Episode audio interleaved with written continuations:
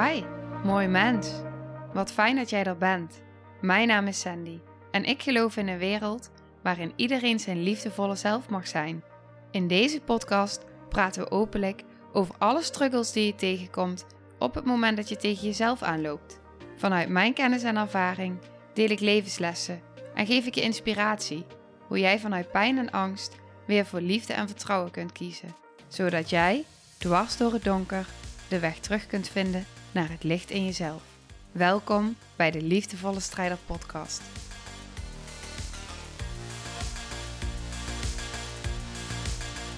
Hey, hallo, dag lieve jij. Ik ga even de microfoon heel voorzichtig nog iets dichterbij zetten. Ja. Oké. Oh, nou staat hij voor mijn gevoel te even. Oké, zo is het goed, denk ik. Welkom bij deze aflevering. Wat fijn dat je kijkt, wat fijn dat je luistert. Nou, ik, oh joh, misschien mijn man op de achtergrond. Iedereen is wakker momenteel. Het is nu 7 uur. En um, ik zit ook nog een beetje te gloeien van liefde. Want ik, ik werd net wakker. En toen was ik bezig met mijn ochtendritueel. Ontbijten, podcast luisteren. En op een gegeven moment toen uh, wilde ik gaan werken. En toen liep ik door de slaapkamer in naar mijn werkkamer. En toen werd mijn zoontje wakker.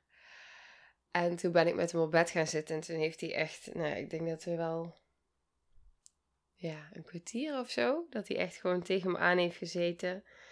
En dat we samen heel fijn alleen maar aan het zijn waren. En op een gegeven moment wees hij zo van, ik wil naar de woonkamer. dus toen uh, ben ik nog even daar met hem gaan zitten. En uh, toen op een gegeven moment ging hij ontbijten. En toen zei ik, nou mama gaat werken. En uh, het was zo schattig, want hij zei, of hij zei, hij maakte een beweging van eerst met een handje zo om te zwaaien. En daarna toen maakte hij een beweging dat hij een kusje wilde. Dus ik liep terug, kusje, lachen. Draai om. Ik sta bij de deur. Weer kusje. Dus ik weer terug. Kusje geven. Nou, dat ging zo een keer of vijf, zes, zeven op en neer. En uh, allebei helemaal, ik weet niet, ik kan het niet uitleggen. Echt zo'n gevoel van, ja, zoveel vreugde en liefde en verbinding. En op een gegeven moment zei ik, oké, eentje. Dan doen we altijd zo, voor degenen die luisteren. Um, onze, ja, één vinger eigenlijk de lucht in. En dan zeg ik, eentje. En uh, toen deed hij zo meteen twee. Maar dat zei hij dan niet. Maar die beweging maakte die. En toen liep ik naar hem toe. En toen gingen zijn handjes allebei open. dat is echt zo schattig. Um, zo van, ik wil tien. ik wil heel veel kusjes. Dus toen... Uh, ja, dat was echt een heel mooi moment. Dus toen hebben we even flink geknuffeld en uh, heel veel kusjes. En toen ging ik hierheen. Dus um, met dat gevoel eh, ga ik deze aflevering in. Ja, is echt, echt zo fijn. Ah. Oké. De aflevering van vandaag gaat eigenlijk ook over gezinnen, gezinssituatie ik kreeg namelijk een berichtje, dus ik ben heel erg geïnspireerd in deze aflevering. Naar aanleiding van een, uh, een, dame, de berichtjes die ze met mij deelde in de community. Dus niet alleen met mij, maar ook met de andere communityleden. En dat inspireerde mij heel erg. En omdat ik in de laatste tijd best wel vaak ook uh, tijdens uh, live dagen, retreat dagen. Um, nou, op het moment dat ik dus in een cirkel samen ben met vrouwen, maar ook dus zo tijdens um, het traject, dan kom ik het heel vaak tegen dat mensen hier tegenaan lopen. En um, dacht, nou wellicht, als ik dit zo vaak tegenkom, eh, herken jij je er ook in? En is het waardevol om hier iets over te delen? Even een slokje van thee. Oké. Ik ga een stukje voorlezen, anoniem natuurlijk. Um, maar dan heb je een beetje context. Dit berichtje is van een paar weken geleden. En zij deelt, lieve allemaal. Ik ben heerlijk deze week in, um, nou, in een bepaald land. Ik noem even bewust niet waarom niet, weet ik niet. Maar misschien is het fijner om uh, hem wat minder specifiek te delen, zodat ook uh, het veilig blijft om te delen.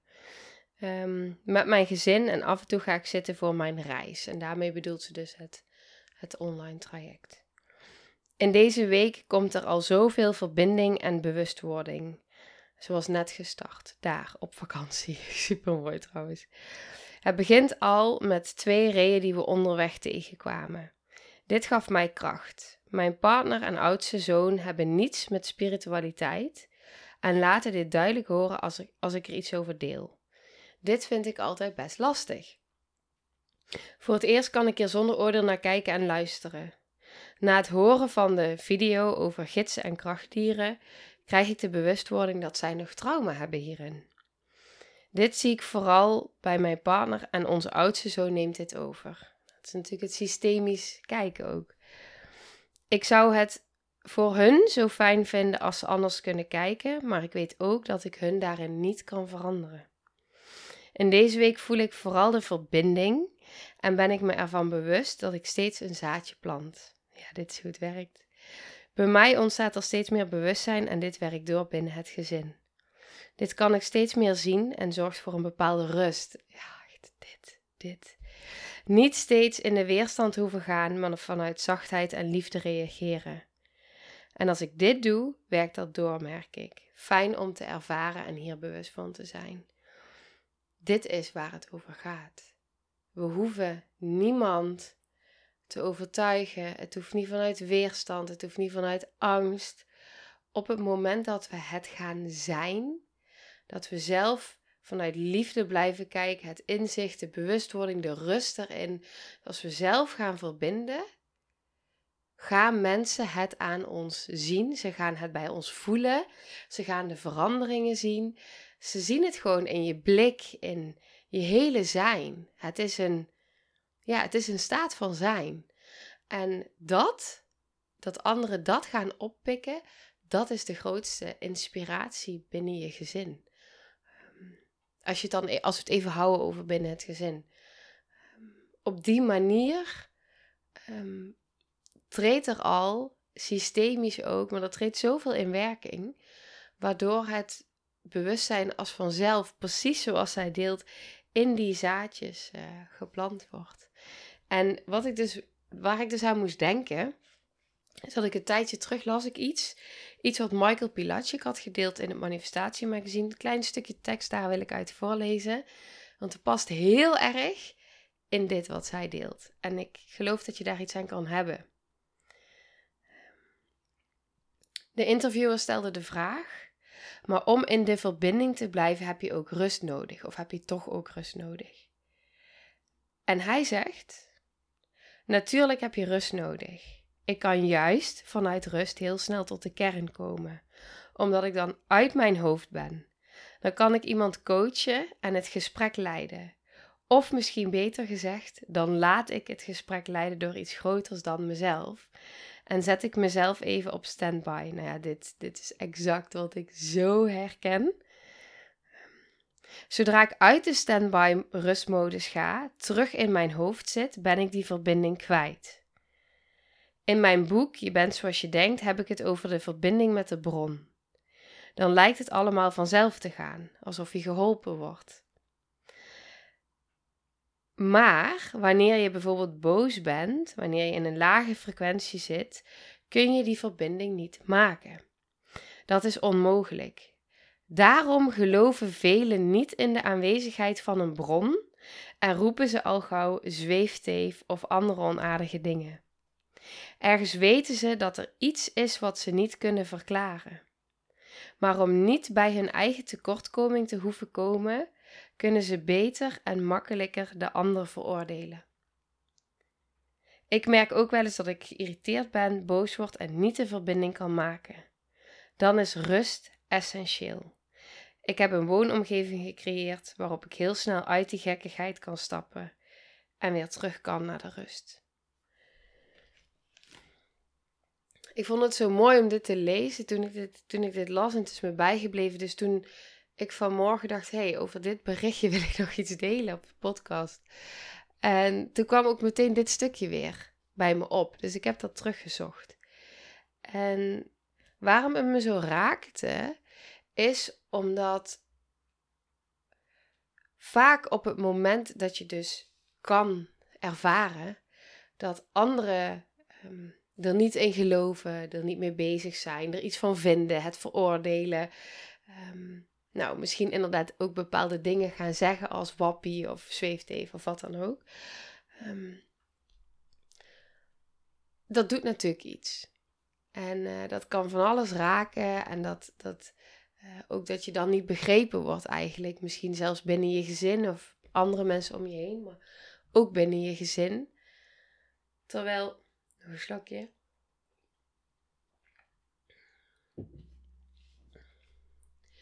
Terwijl op het moment dat je dus keer op keer op keer weer in staat bent, en ik hoor het in beide berichtjes ook terug, en het is ook zo mijn waarheid, dat je toch bij jezelf blijft, terug bij jezelf, trouw aan jezelf, bij je authentieke zelf durft te blijven en die verbinding blijft maken.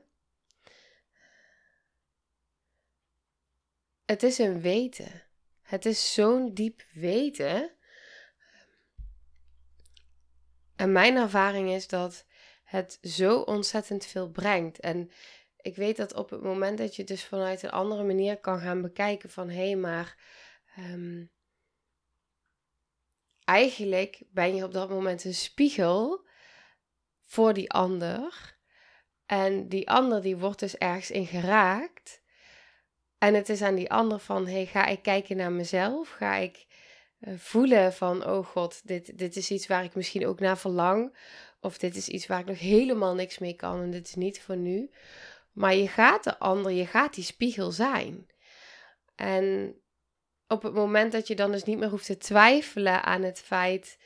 Uh, of, of, of daar iets aan hoeft te veranderen bij de ander, maar dat je gewoon in die rust mag blijven, bij jezelf mag blijven en kan gaan zien vanuit liefde en vanuit bewustzijn, oh maar wacht, die ander zit nog, die is nog niet daar. Die zit nog in een stukje pijn. Die heeft die verbinding nog niet op die manier. Um, en dat is zijn of haar weg. En daar, daar hoef ik helemaal niets in te doen.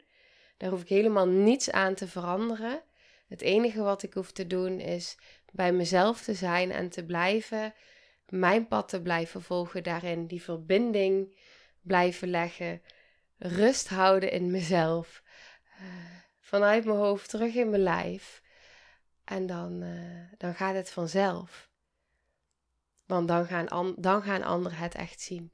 En ze gaan het niet zien of voelen op het moment dat wij ze gaan proberen te overtuigen. Of uh, omdat we het ze zo gunnen, want dat is natuurlijk ook. Als ik dan vanuit mijn ervaring kijk, um, ja, dan voel ik ook hoeveel ik het anderen gun om dit te mogen voelen. Want ik was ook ooit daar dat ik um, die verbinding kwijt was. En ook dat geloof kwijt was. Dat weten, dat zit er altijd ergens heel diep van binnen. Maar ik kon het me niet meer herinneren. En um, ja, dat voelde, dat voelde eenzaam en afgesplitst. En als een. Uh,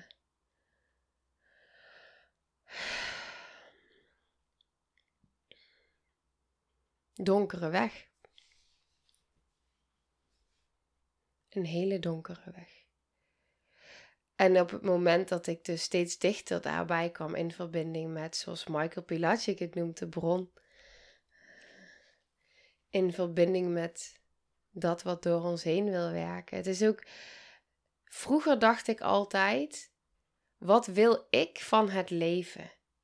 Ik had een heel beeld in mijn hoofd wat ik van het leven wilde. En um, nu denk ik altijd: wat wil het leven van mij? Ik geef me over en, uh, aan, iets wat groter is dan ik. En ik laat me leiden, ik laat me gidsen. En dan ontvouwt de weg zich vanzelf. hoeft daar niet hard in te werken of veel voor te doen of in te struggelen. Of te, het ontvouwt zich. Het is meebewegen op die golf. En dat is niet per se altijd van nou, dat is alleen maar uh, flowend en stromend. Maar soms ook wel. En het is alsof je steeds makkelijker en steeds sneller weer die stroom en die flow oppakt. Ik heb bijvoorbeeld een voorbeeld. Misschien een heel stom voorbeeld, maar ik kom niet helemaal op. En dit is echt hoe het werkt. Ik was gisteren bij de tandarts. En um,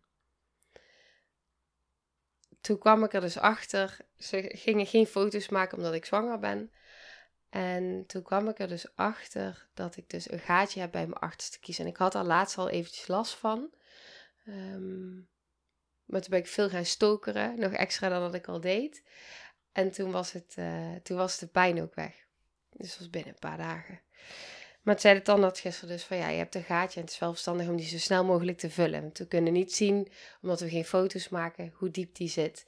En uh, nou, toen voelde ik al meteen dat ik dacht, ja, maar ik weet hoeveel mijn kindje daarvan uh, mee gaat krijgen. En wil ik dat nu? Ga ik dat doen? Ga ik daarvoor kiezen of niet?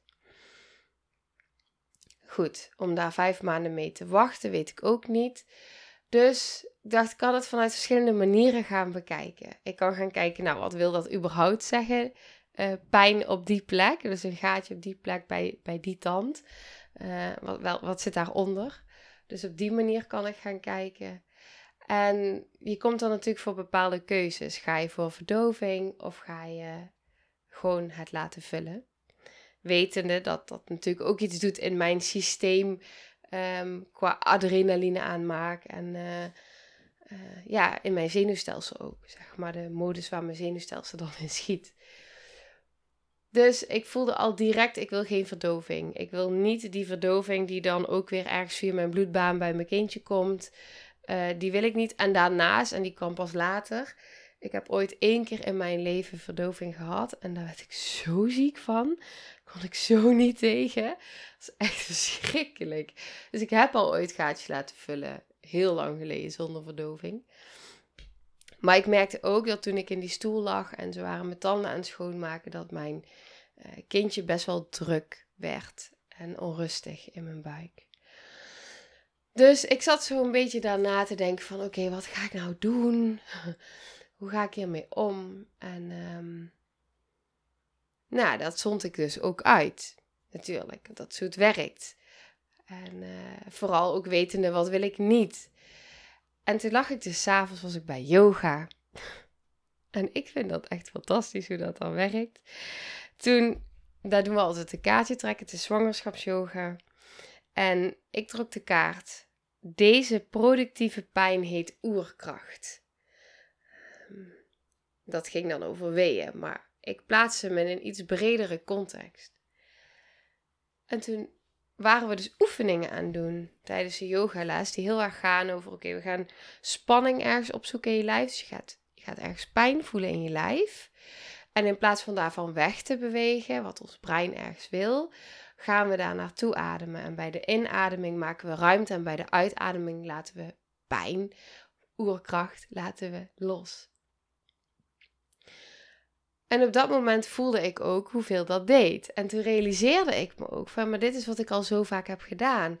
Als ik heel veel pijn had in mijn nek, of nu ook op deze plek dus, omdat daar meer spanning komt te staan, ehm, kan ik dus gewoon met mijn ademhaling, met mijn bewustzijn, op het moment dat ik in mijn lijf ben, niet in mijn hoofd schiet, um, kan ik dus iedere keer met die ademhaling, kan ik er naartoe bewegen. En toen kreeg ik meteen mijn antwoord. En dat gaat vanuit zoveel um, vertrouwen dan ook weer dat ik denk: oh ja, dankjewel. Dit is dat lijntje. Dankjewel, hier is mijn antwoord. Uh, vanmiddag zat ik met het dilemma: hoe ga ik hiermee om? Omdat ik mijn kindje daarin um, een fijne ervaring gun. En niet dat ik in die stoel lig en uh, nou, dat mijn hele zenuwstelsel aangaat op uh, fight, flight of wat dan ook. En um, mijn kindje dat meekrijgt, want die zit natuurlijk midden in alles wat ik voel. En toen dacht ik, ja, maar ik kan er gewoon doorheen gaan ademen. En wat nou als ik het gewoon ga zien als een, als een ervaring En ja, dat gaat pijn doen, maar ik heb ook de kracht in mij om daarin, om daar naartoe te bewegen en mee te ademen. En ik weet dat ik iets in mij zegt dan ook van ja, maar dat geluid wat dan bij die tandarts, kan ik ook helemaal niet tegen. Maar goed, ehm, wat nou als ik niet in mijn hoofd ga zitten, maar als ik het gewoon ga ervaren? En dat was wel weer zo'n eye-opener. Hoe dat mij dus in hele dagelijkse, simpele situaties dus keer op keer helpt om die verbinding te hebben. Omdat als we het zo kunnen zien, we stellen een vraag en het antwoord komt tot ons. En het komt vaak in verschillende manieren en vormen. Maar als je dat op die manier uh, kan gaan bekijken, uh, dan, dan helpt het leven je om door dingen heen te bewegen. En dit is voor mij ook spiritualiteit. Ja, het is echt die verbinding hebben met, met die bron. En um, vanuit liefde kunnen blijven kijken. Dus ook inderdaad, als je het dan weer hebt over je gezinssituatie op het moment dat anderen anders kijken, hoeft dat niets te zeggen over jou. Uh, ook als ze dus bepaalde woorden gaan gebruiken of um, er niet voor openstaan. Het hoeft helemaal niets te zeggen over jou. En dat, uh, nou ik kan me voorstellen dat dat veel rust kan geven en veel kan betekenen voor je proces. Dus um, dat is vooral wat ik in deze aflevering wilde delen. Het werkt zo door op het moment dat we zelf op een andere manier het leven gaan beleven. En daarop mogen vertrouwen en vanuit liefde mogen blijven kijken. Daarin maakt gewoon dat het niet anders kan dan dat dat is wat anderen gaan zien. En dat dat is um, waar anderen dan, waar je dus exact zoals zij zegt, die gaatjes, gaatjes, die zaadjes in gaat planten. Ja. Grappig. Vond het ook heel mooi, want ik las vanmorgen dus nog een berichtje van diezelfde dame die dus van, ja, gisteren is gestuurd. En toen zei ze, ik heb vandaag zo'n mooi gesprek gehad met mijn broer over mijn ouders. We ervaren allebei ontwikkelingstrauma. En na de opstelling van een paar maanden geleden bij jou, Sandy, is me veel duidelijk geworden over de band met mijn ouders. Ik kan dingen meer een plek geven en er met liefde naar kijken. Dankbaar hoe dingen vanuit het traject nu ook steeds meer op zijn plek vallen. En dat ik het zo open kan bespreken met mijn broer. Dit is het.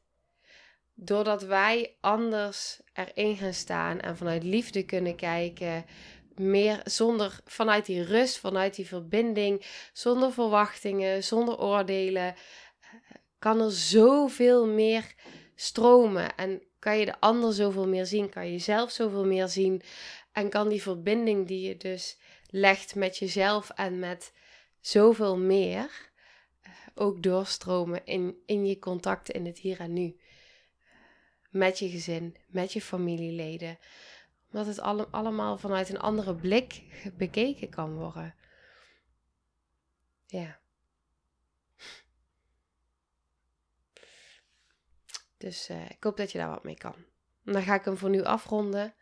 En uh, wens ik je een hele, hele, hele fijne dag. Doei doei.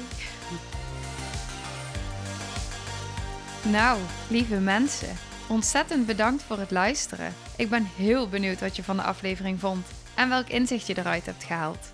Mocht je nog vragen hebben of is er een onderwerp waar je meer over wilt weten, laat het me dan weten. En wie weet neem ik het mee in een van de volgende afleveringen. Als je het leuk vindt, kun je de aflevering delen. Of maak een screenshot en tag me op Instagram. Want ik vind het echt super tof om te zien wie er luistert. De link van mijn Instagram staat in de beschrijving bij de podcast. En wil je blijvend geïnspireerd worden? Klik dan op abonneer of volgen in de podcast-app waarmee je luistert. Dat zouden ik en alle toekomstige luisteraars enorm waarderen, want dat zorgt er namelijk voor dat de podcast beter gevonden wordt. Nogmaals, dankjewel voor het luisteren en heel graag tot de volgende aflevering.